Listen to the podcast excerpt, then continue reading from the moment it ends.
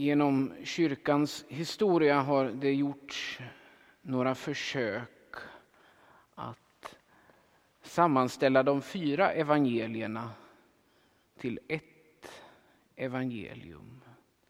Så att säga slipa bort deras kantigheter där de tycks motsäga varandra för att ge oss ett evangelium att läsa.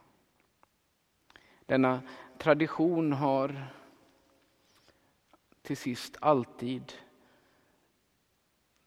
förts bort, lagts så att säga i pappersåtervinningen.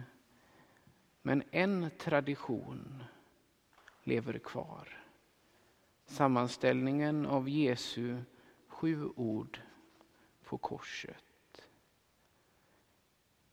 Ja, men är inte detta samma sak? Ett försök att så att säga få de olika ögonvittnenas redogörelse att stämma överens med varandra så att det inte finns några motsägelser utan ett trovärdigt vittne. Svaret på den frågan är nej.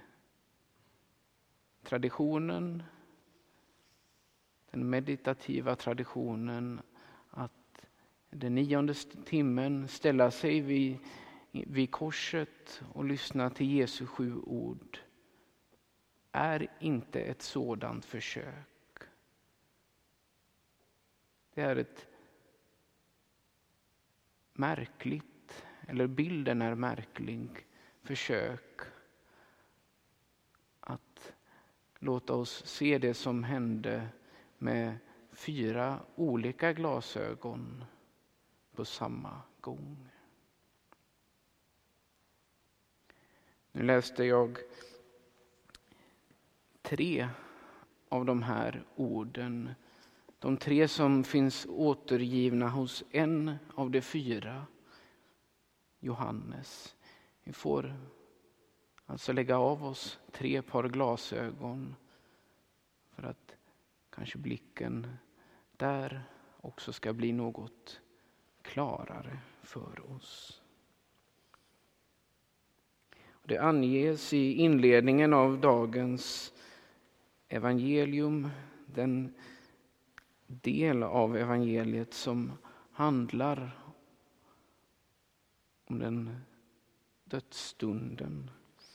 Att Jesu mor, Maria, och den lärjunge som han älskade, evangelisten Johannes själv, stod vid korset.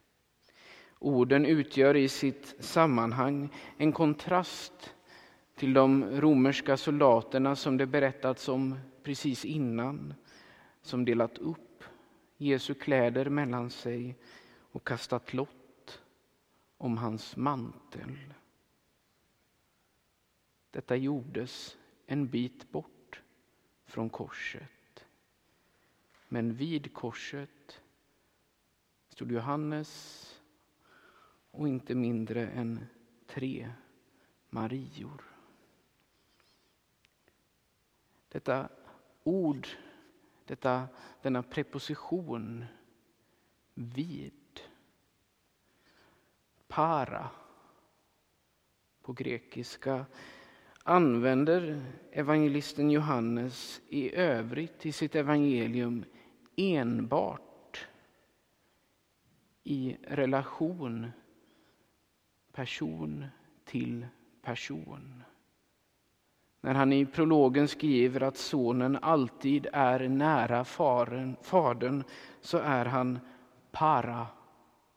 Han är nära fadern. Maria, Johannes är para, nära. Inte bara korset, de är nära Jesus. Det är möjligt att Johannes vill visa oss just på det.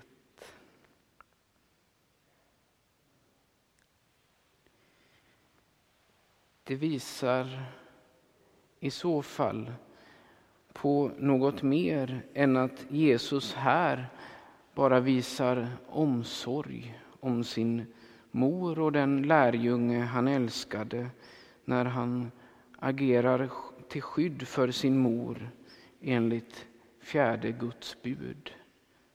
Du ska visa aktning för din far och din mor. Jesus visar oss också något annat. Hur vi kommer para, nära honom. Med Maria visar han på något av kyrkans moderlighet. Maria är den som i en mening, om det är Fadern i egentlig mening som agerar, så är det Maria som föder, som ger Kristus till världen. Den lärjunge som Jesus älskade är i djupare mening varje kristen, varje lärjunge tillsammans kyrkan i sin helhet. För vi kan som enskilda människor inte uthärda Jesu kors. Det blir obegripligt, det som berättas. Men i kyrkans gemenskap kan vi finna just det. Gemenskap, para. Vid korset, nära Jesus. Det är den, i den meningen som vi nu, i den nionde timmen, när mörkret låg över jorden, med Maria, Johannes i kyrkans gemenskap få vara nära, få vara vid, få vara inför Jesu kors. Och där, para, kan vi se att natten, att mörkret är ljust som dagen själva mörkret är ljus. Och ana något av det mysterium som i skärtorsdagens gudstjänst formuleras med orden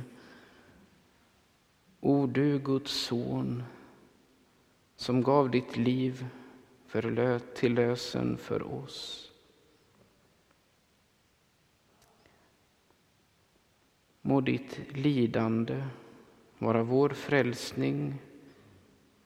Må dina sår vara vår läkedom.